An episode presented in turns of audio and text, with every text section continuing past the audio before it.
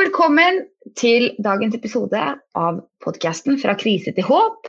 I dag spiller vi inn Norges Sosiale Forum sin podkast over nett for første gang. Og vi håper vi kan gjøre det mer for å lage flere episoder med vår kommende redaksjon denne her våren om aktuelle ting og ting som vi synes er spennende.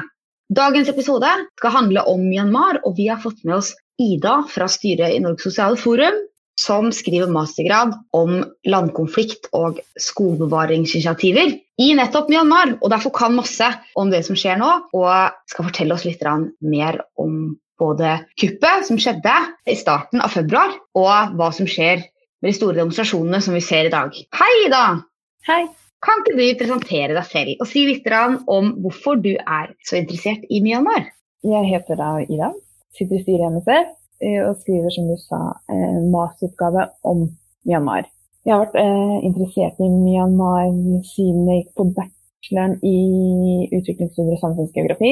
Jeg føler at man automatisk får en liksom innføring i Myanmar på den bacheloren.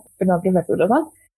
Så det begynte jo egentlig da med at jeg skulle et helt annet sted for å skrive bacheloren min, men fikk ikke lov å reise alene. Dro til Myanmar og har etter det vært eh, hekta.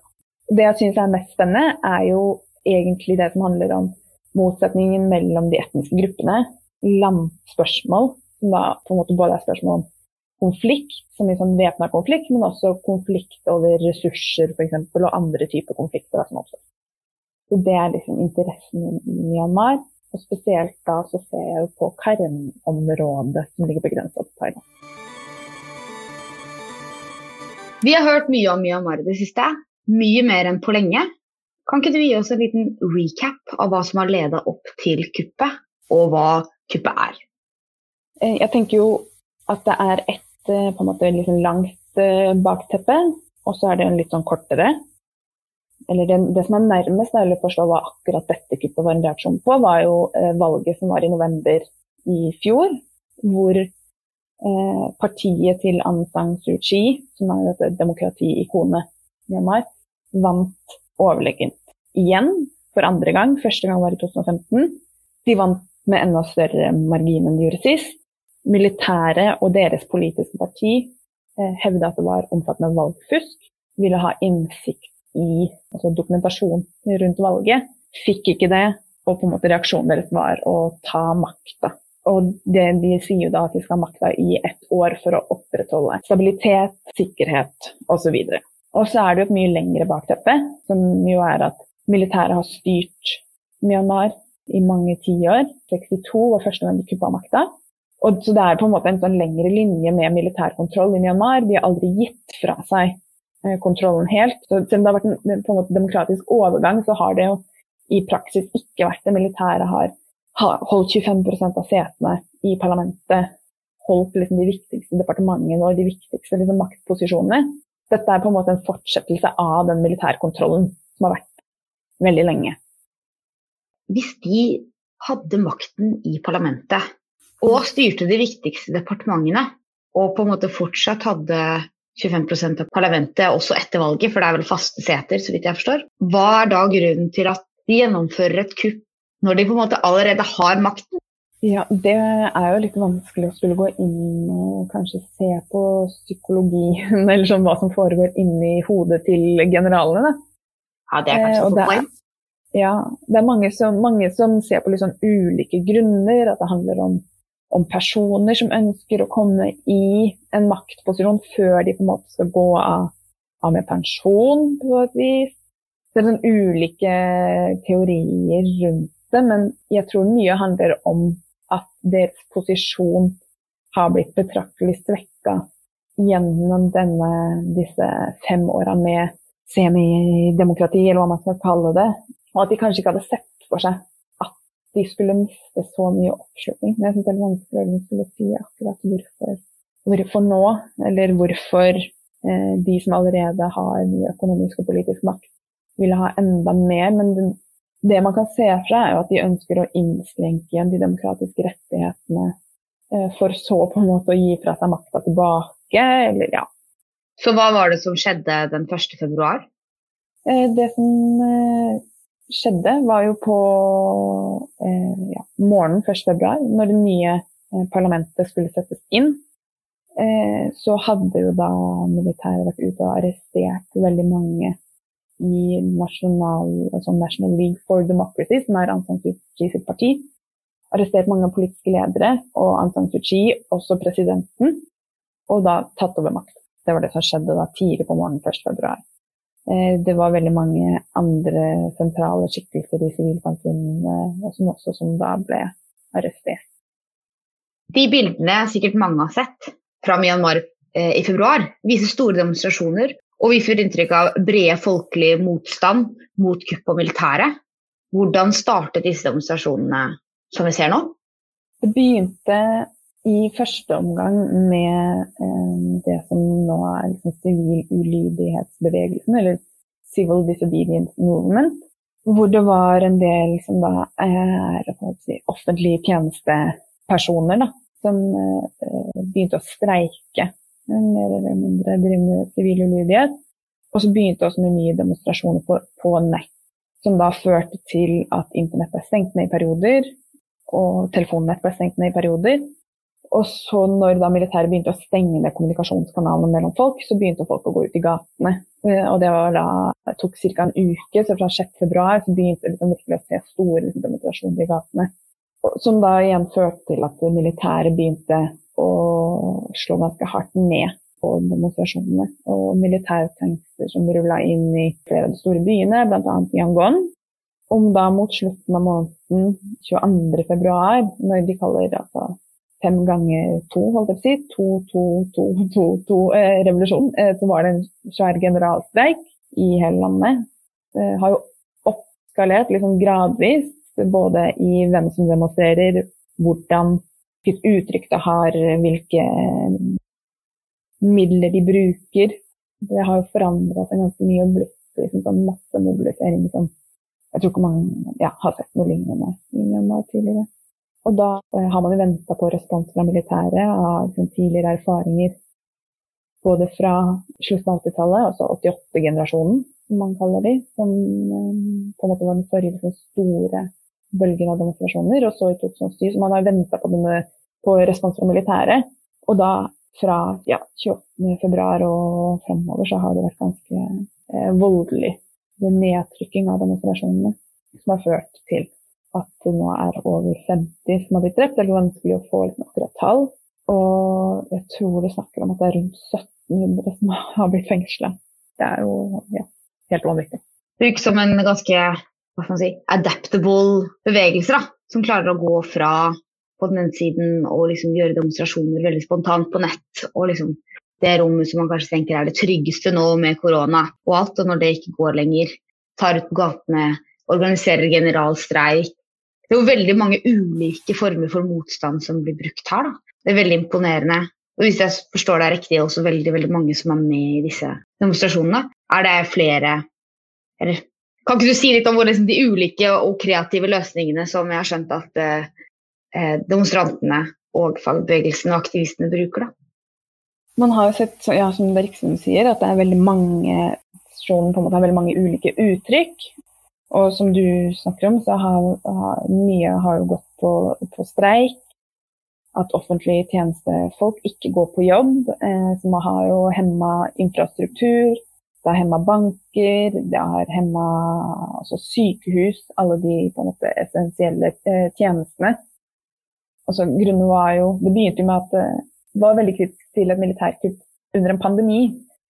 Eh, som kanskje begynt, gjorde at sykehusarbeidet først begynte å streike. Eh, hvordan kan, kan militæret gjøre dette mot sitt eget folk når vi er, allerede er i en krise?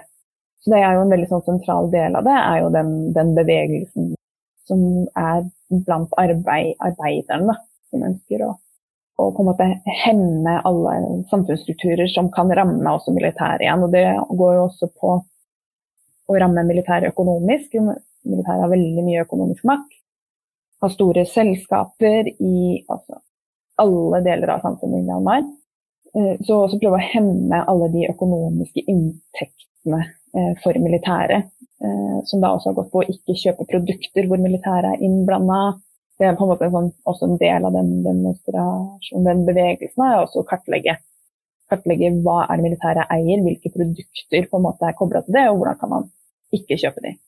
Og så er det generasjon Z, eh, som kanskje er litt sånn fremmed for oss, i hvert fall meg, som kanskje ikke identifiserer meg helt med denne generasjonen Z, på en måte viser jo det at Myanmar er ikke på det samme stedet når det har vært eh, kupp og demonstrasjoner tidligere. Eh, sånn de bruker jo internett på en helt annen måte. De bruker kunst på en helt annen måte. De bruker veldig mye humor. Eh, veldig mye latterliggjøring av militæret. Spesielt generalene.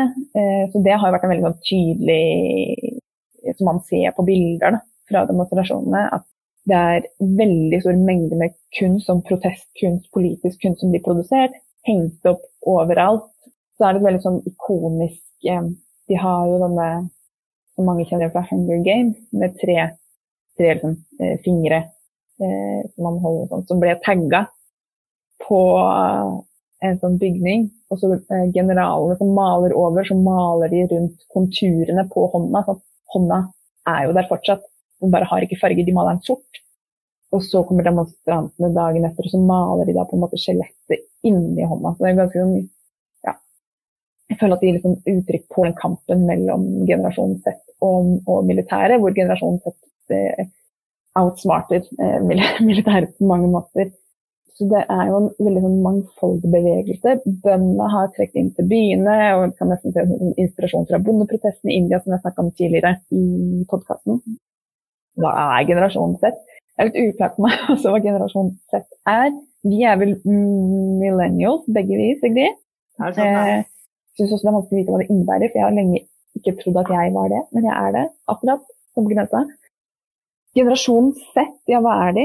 Zoomers, er det det man kaller dem? De er unge. De er unge, ja. Unge. De er født år 2000, hva? Ja.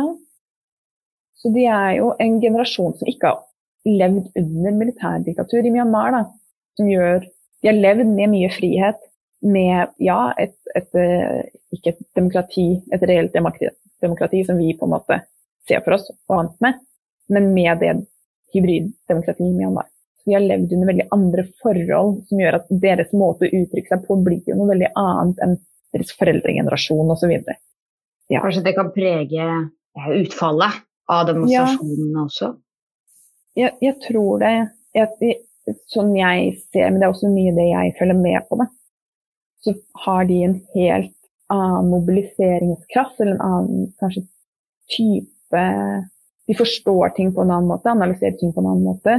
Har jo ikke med seg på en måte den bagasjen som foreldregenerasjonene som har, som gjør at de får et veldig annet uttrykk. Og de, de bærer kanskje heller ikke med seg de veldig sånn skillelinjene og de store liksom eh, kløftene man har sett i samfunnet tidligere, som har vært mellom etniske minoriteter og sånn. Så det er vel kanskje et håp i at med en generasjon som ikke på en måte er så indoktrinert, eller som har veldig innarbeida disse strukturene som har vært underliggende for å forstå konflikt og demokrati.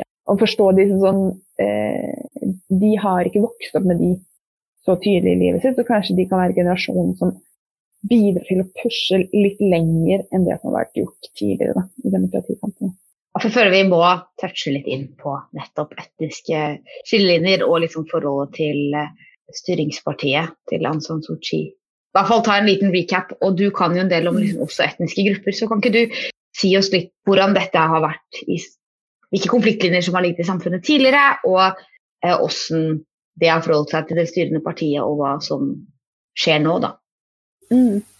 Det som eh, har vært i Myanmar siden eh, frigjøringa i 1948, har jo vært et veldig skille mellom altså, det som er Bamar-majoriteten, og det som er de etniske minoritetene. Det er jo veldig mange etniske minoriteter.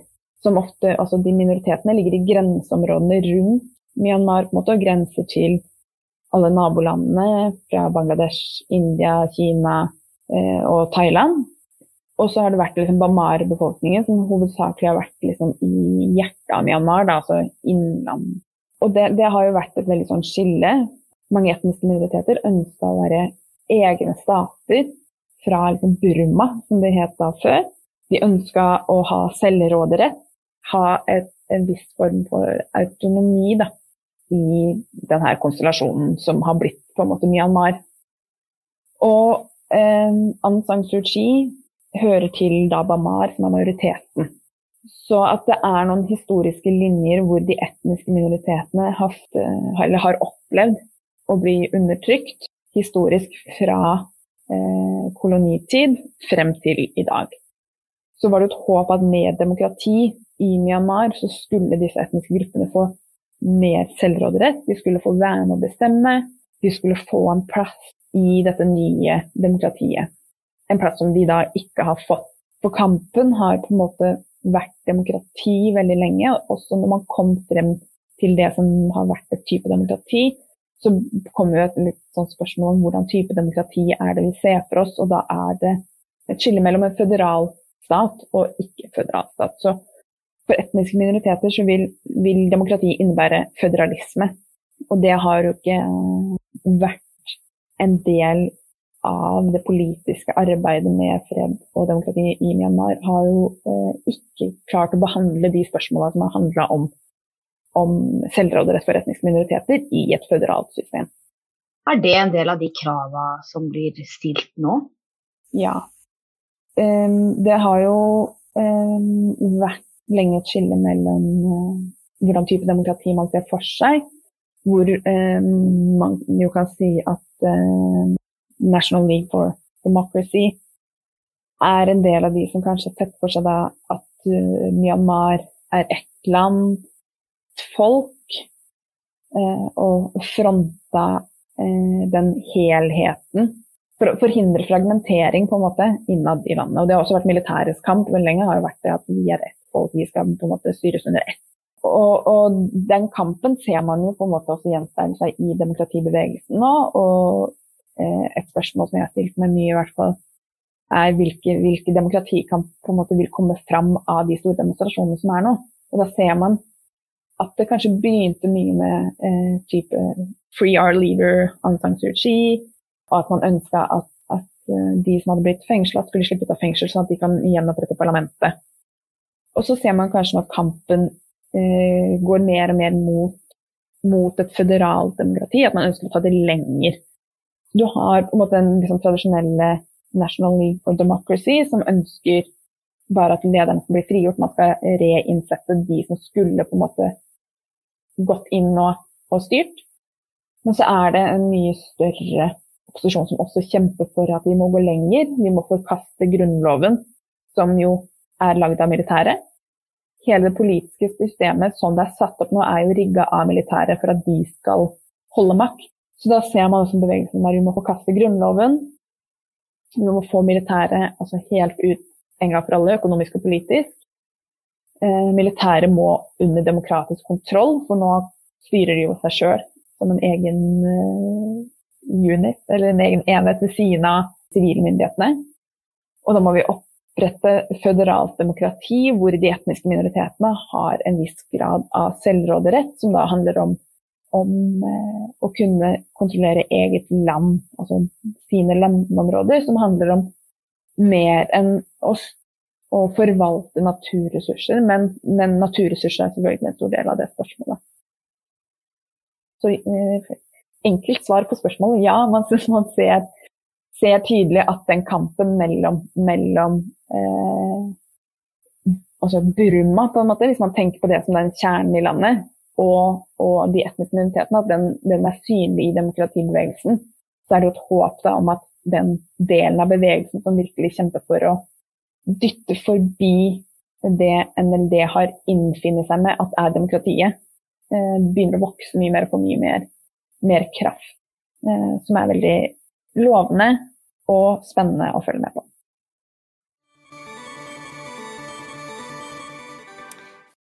Én ting er å lese om hvordan det er å utøve motstand mot et militærregime. En helt annen ting er å gjøre det selv. Derfor har vi fått med oss en av de som er med å organisere demonstrasjonene og motstanden i Myanmar, på grensa til India, i byen Hakka.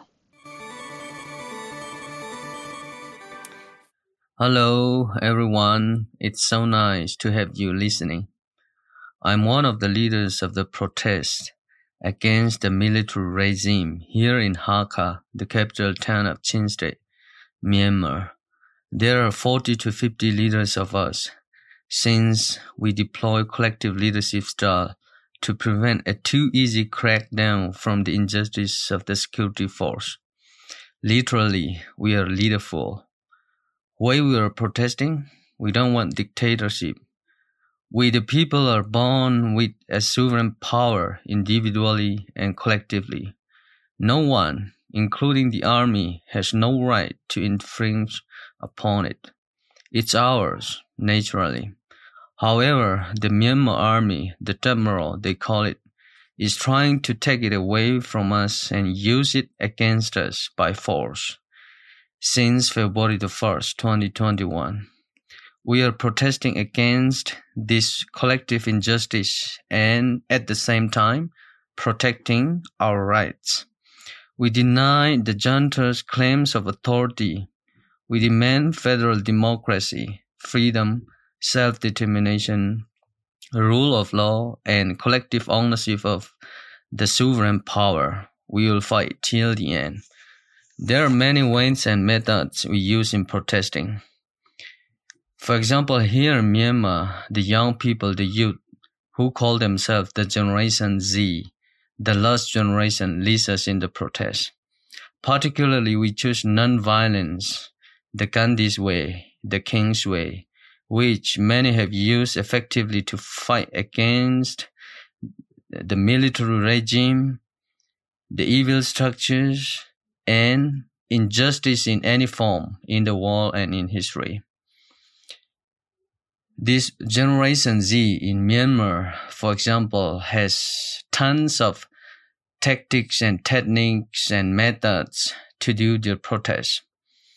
Everyday people take to the street holding signs and flags and many others uh, that reads no to the military coup, down to the dictators, release our leaders. We want democracy. Join in CDM. CDM is the short form for Civil Disobedience Movement, which is the key features of non-violence movement people are also shouting and chanting, uh, demanding what we want. Some days we walk around the town protesting. Other days we just sit and protest. Every night at eight o'clock, everyone start banking pots and pans for 15 minutes. This is meant to show our disapproval and to drive away the evil spirits of the injustice of the Myanmar army. The response from the security force is brutal, inhumane, and lethal. Over 50 unarmed civilian protesters have been killed, many wounded, over a thousand protesters arrested illegally, and several people more deprived of their rights and dignity. We live in fear, anxiety, and we worry day and night, every minute. We don't feel safe anymore. This is so sad. As we all know, there's no place for dictatorship and violence in the 21st century. So, we will fight until the enemy is annihilated.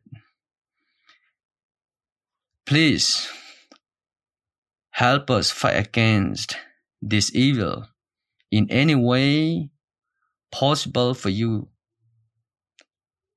Join us in this battle, in this fight against the military regime here in Myanmar. Thank you so much. Tusen takk, Ida, for at du kom og ville snakke eh, i podkasten. Vi kan jo avsløre at du er en del av reaksjonen som vi holder på å bygge, så forhåpentligvis får dere høre mer fra Ida. Tusen takk for i dag. Tusen takk for at dere hørte på. Følg med på situasjonen i Myanmar videre. Helt sikker på at det er behov for solidaritet mellom Norge og Myanmar, så der er det bare å gjøre det man kan. Vi kommer tilbake snart med flere sosiale bevegelser-nyheter fra verden over.